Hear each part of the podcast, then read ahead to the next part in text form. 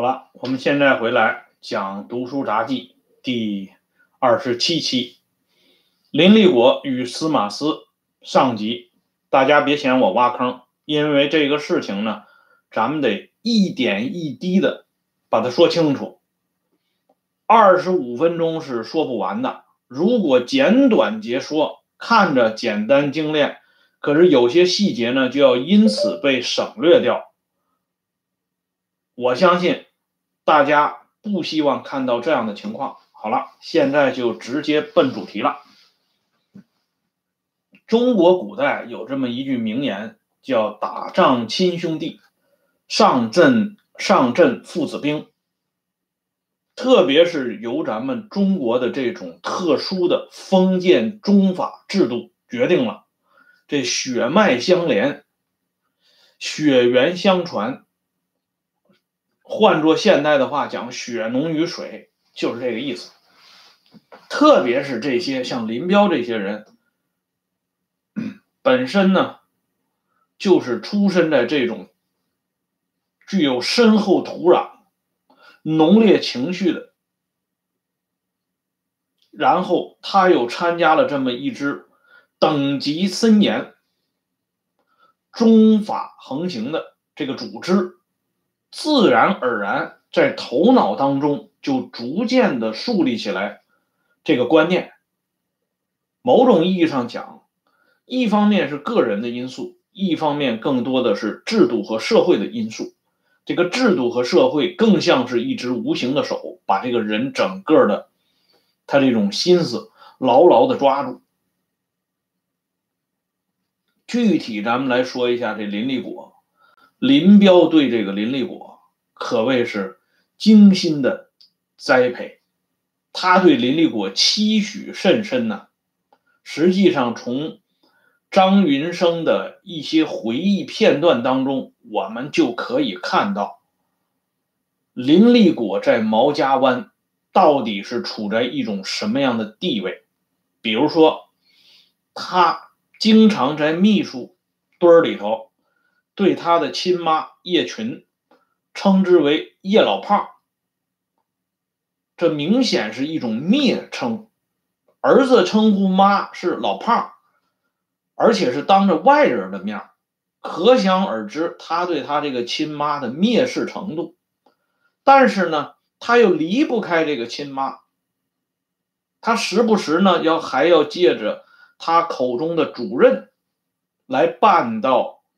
来办一些他办不到的事情，所以这种母母子之间的关系是相当畸形的。可是这种畸形的关系呢，在毛家湾的这种特殊的政治生态当中呢，又是相当正常的。事实上呢，我们看林彪这个家族，这是因为把这林彪批臭了。等于说把他们家放在这种政治显微镜下进行观察，那一丁点儿的毛病都能挑出来，然后呢，都算成是林彪这个家族的罪恶。这个是传统史书、传统党史教科书刻意强加给大家的，他就愿意大家产生一种仇恨，愿意大家把这种仇恨完全集中在林彪、江青、康生、陈伯达这些人身上。从而呢，忽略或者是彻底忘记了站在这些人背后的主使和总后台，他就想达到这个目的。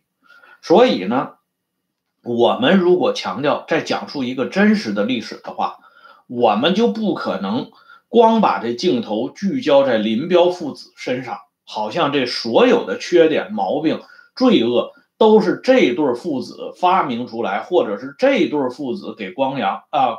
发扬光大的不是这么回事儿。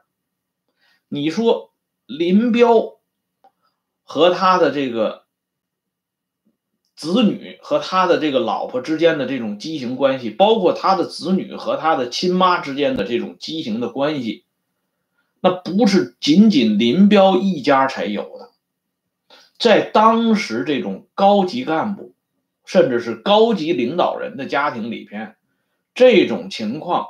并不是十分罕见的，而且有些人做的比林彪父子还要出格。这就是罗点点他的那本书《红色家族档案》里边，曾经向我们讲述了一个陈姓的女孩那个不幸的遭遇。这个姓陈的女孩被她的亲叔叔给强暴了，而且呢有苦无处说。后来我们还看到了一个口碑资料，就是这强暴的他亲侄女的。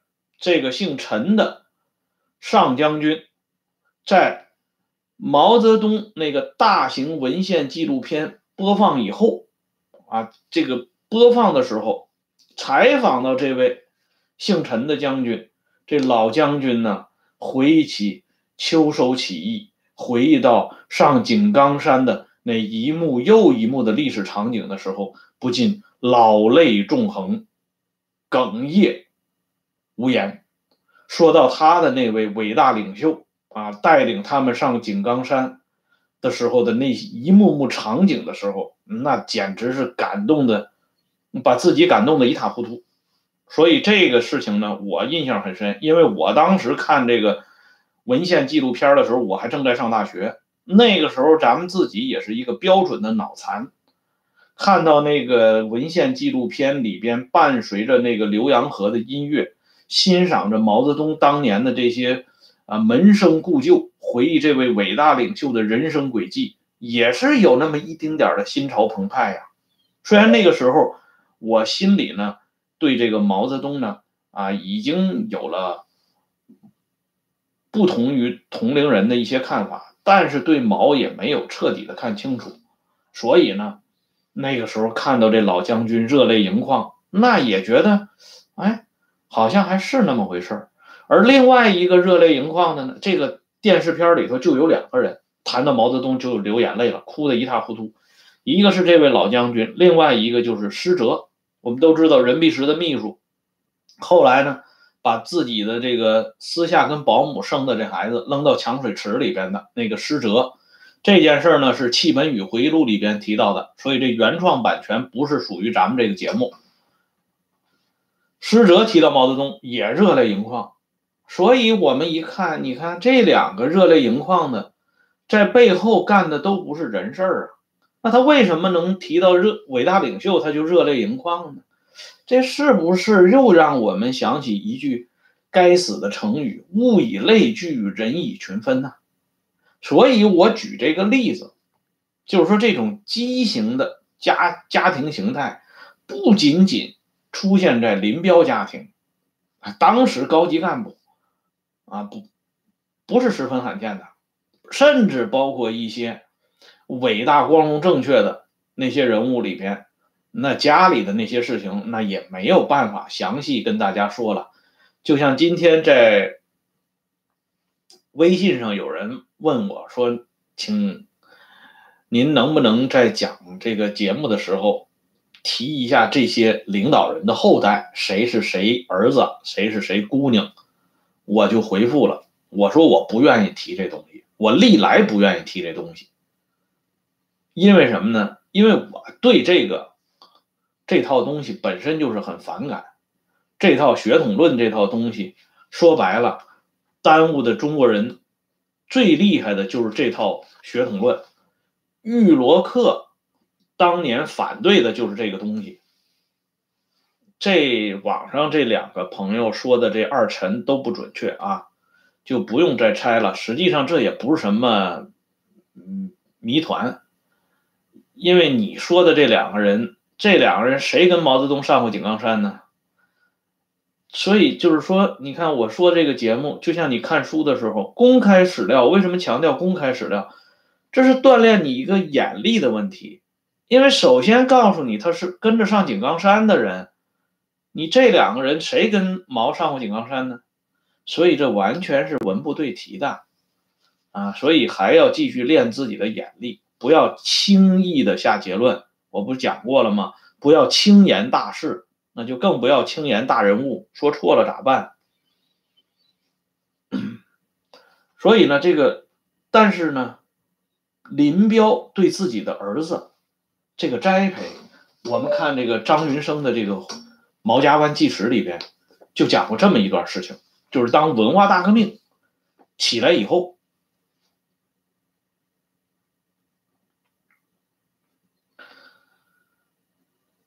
当时红卫兵去冲击国防部，这国防部部长我们都知道是林彪来兼任的，所以这个情况出来以后很紧急，马上就有人向林彪汇报，林彪当时也很着急呀。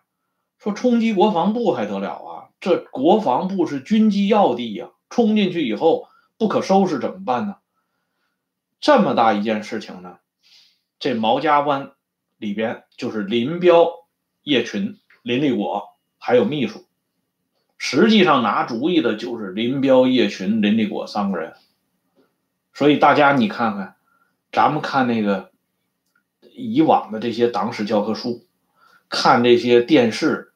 电影都能看到，那领导同志家属一说话一插嘴，说什么什么什么，领导同志马上就把脸放下来，家属不要参与意见，出去，这是你能够插嘴的地方吗？啊，一副这个大义凛然、义正辞严的这个模样，实际生活当中完全不是这么回事儿。你看这林副统帅。当得到冲击国防部的消息以后，首先就跟自己的老婆儿子商量。叶群呢，好歹是有一个公开的职务，那是林办主任呢，所以呢，叶群参与这个意见也算不为过。叶群呢，就提了个意思，就是说不能轻易表态。林彪呢，就按照叶叶群的劝阻，就是说给刘志坚当时的总政治部副主任，给刘志坚回个电话吧，告诉刘志坚，他早晨报的情况我知道了，要对学生做好政治思想工作，动员他们退出国防部大院，强调不能抓人。就在这个时候，林立果插上一句话，林立果说。也不要叫学生们写检讨了，要保护学生们的积极性，不要和他们对立。这个时候呢，张云生进了进行了一段插播，插播呢就说林立果原来是北大物理系学生，一九六七年二十二岁，运动开始以后，北大停课，他就躲起来了，不久前才回到北京，平常没事儿。他就陪着林彪。这林立果说完这话以后，林彪马上态度很明朗啊。这个张云生专门回忆，他说林彪这回态度很明朗，不像刚才啊含混不清。这林彪就说：“对，把老虎说的也加进电话记录里，以我的口气传达给刘志坚。”这是张云生在现场亲眼目击的这么一段过程，就是说，林立果这么一个北大的毕业生，没有任何政治身份，只不过是因为他是林彪的儿子，回来以后呢，经常陪着林彪，而在这种关键时刻，冲击国防部大院啊，这种关键时刻。人家林立果就插了一句话，插了一句话，让林彪作为林副统帅的次高指示啊，毛统帅是最高指示，林副统帅自然是次高指示啊，写进了给总政治部副主任刘志坚的电话传达稿当中。那刘志坚拿到的，他不知道哪个是林立果说的，哪个是林彪说的，他就知道这都是。林副统帅说的，那立刻照办，这就叫参政议政，这就叫栽培扶植，很简单的事情，已经开始在高层的政治运动当中历练自己的儿子了。这还是张云生回忆当中的一个非常小的枝节。在他的这本薄薄的回忆录里边，列举了很多林立果的言行，而这些言行，事实上如果没有林彪、叶群夫妇两个人的言传身教，没有他们的默许，林立果这么一个小崽子，他怎么会有这么丰富的阅历？怎么会有这么高深的结论呢？那是不可能的。就像高文谦在晚年《周恩来》这本书当中，对于五七幺工程纪要的一段论述是非常精彩的。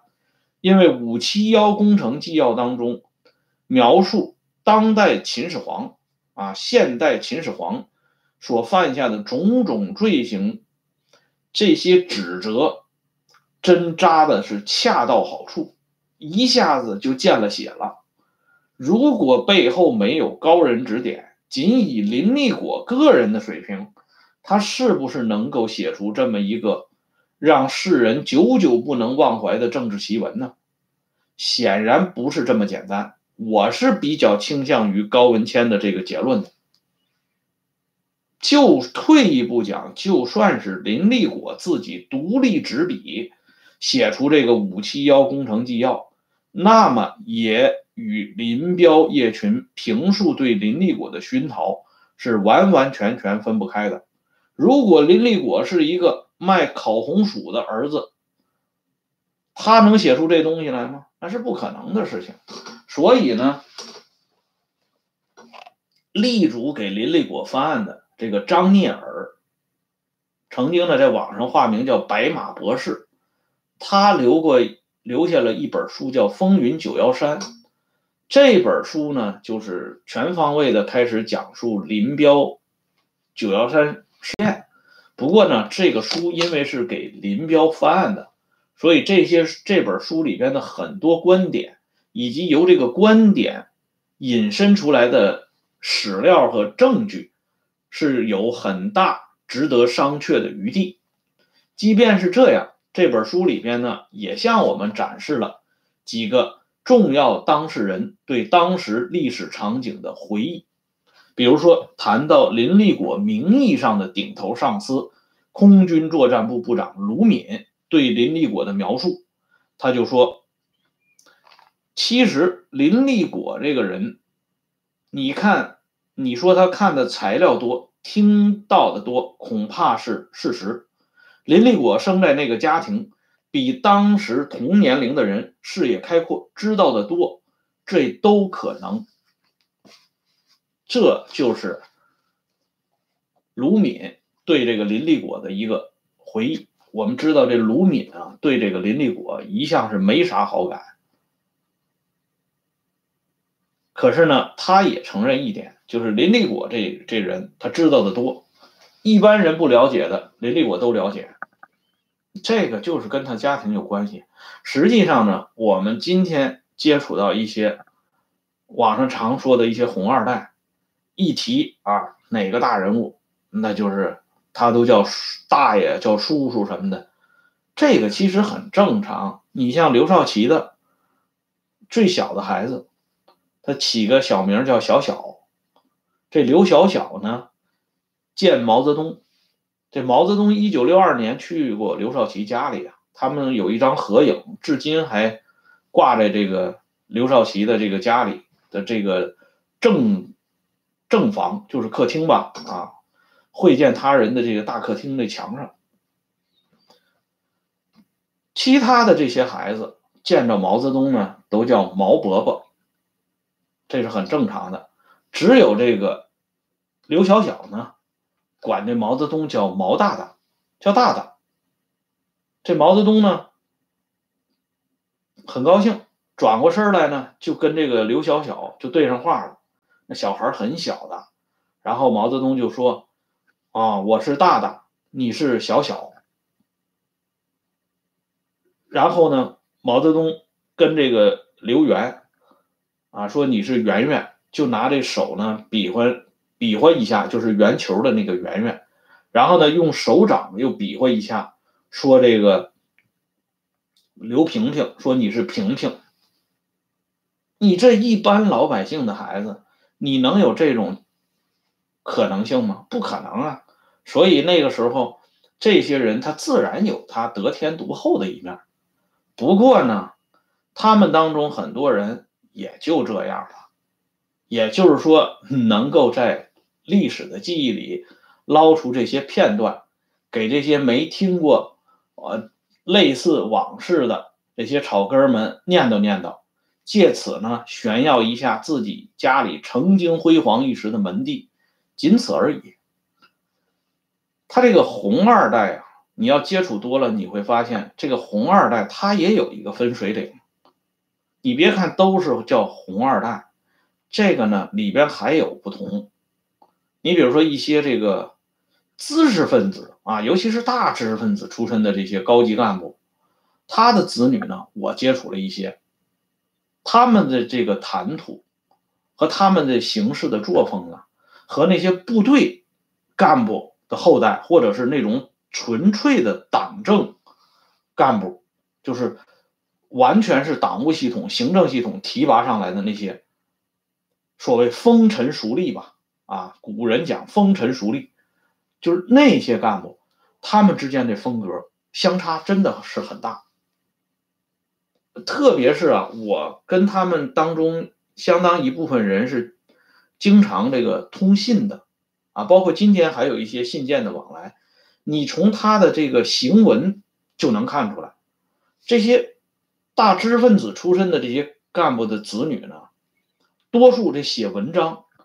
写的是还是很漂亮的，因为我是非常喜欢看这种文本材料的，我不喜欢搁电脑上看书什么的，我都是给他的这个东西打印出来，然后我看，文章写的还是很漂亮的。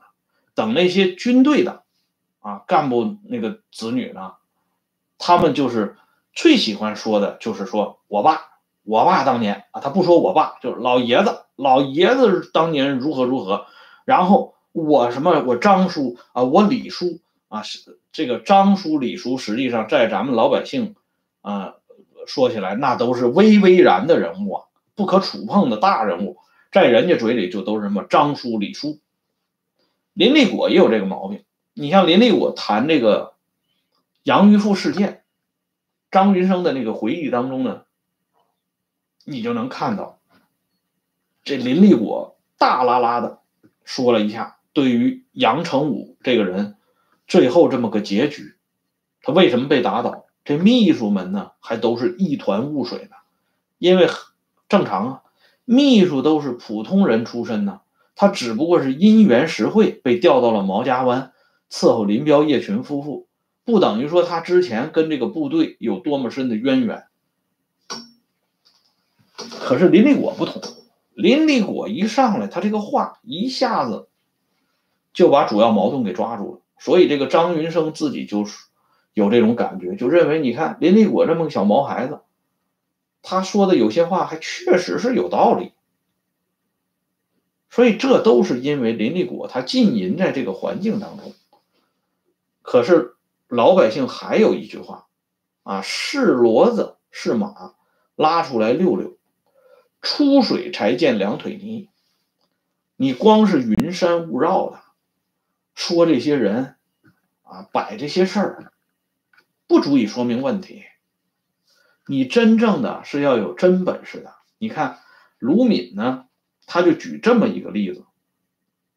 他说呢，那时候我们大家就是他们空军的这些啊中层干部。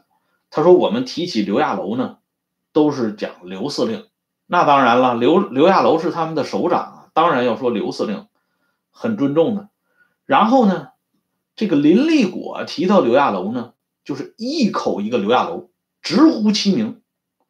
哎，卢敏当时就有点反感，他当时呢，他就说：“他说你看这刘亚楼跟你爸是同辈儿的，小毛孩子还挺狂。”然后呢，卢敏就说：“那林立果对吴法宪就更不用说了，直接就叫吴胖子。”其实咱们刚才已经提到了。林立果对他亲妈，那直呼其名叶老胖啊，他对他亲妈都这么不客气，那吴法宪能放在他眼里吗？那刘亚楼能放在他眼里吗？这些特征呢，恰恰是这些干部子弟，相当一部分干部子弟所特有的。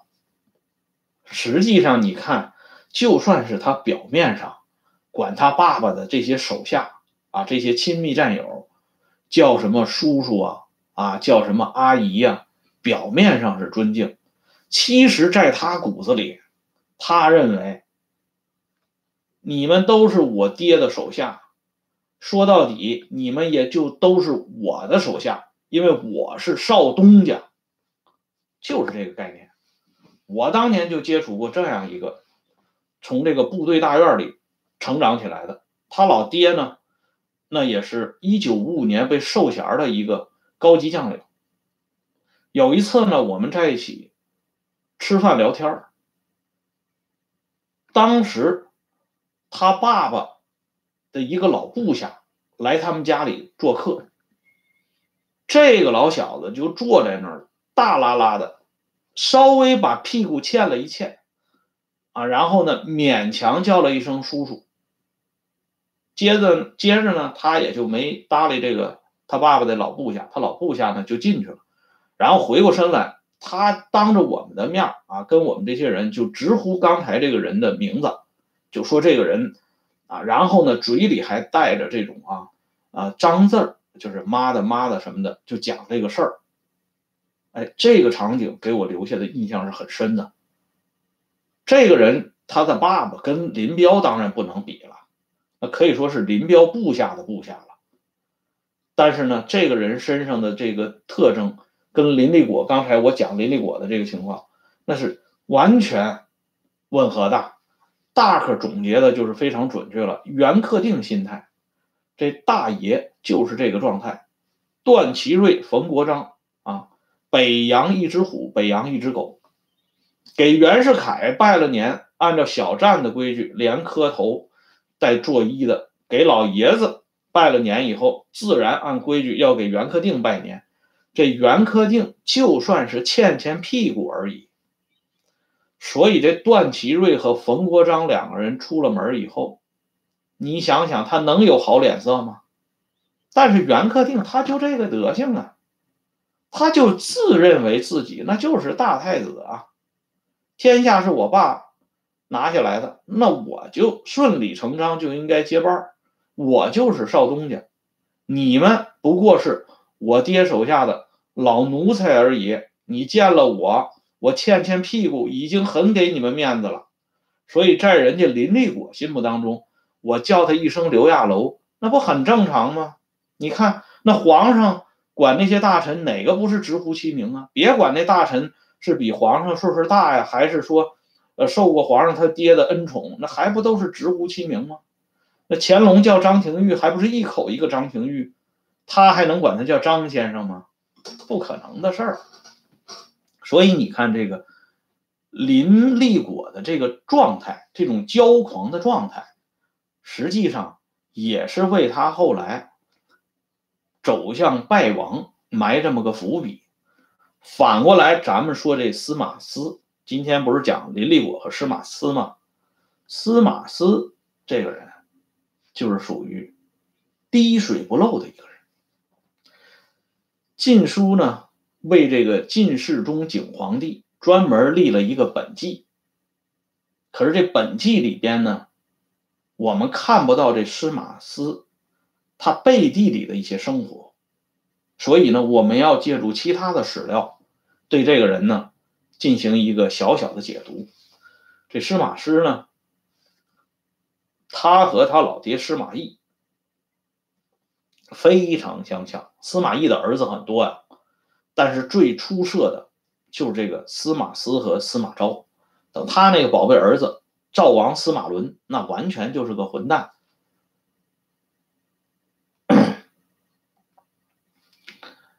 司马思这个人，本人非常有风度，他经常跟何晏呢、夏侯玄这些人，这些当朝的名士扎堆儿，谈论一些正面的啊，或者谈论文章啊，或者谈论这个经史啊，总之呢，满口都是锦绣。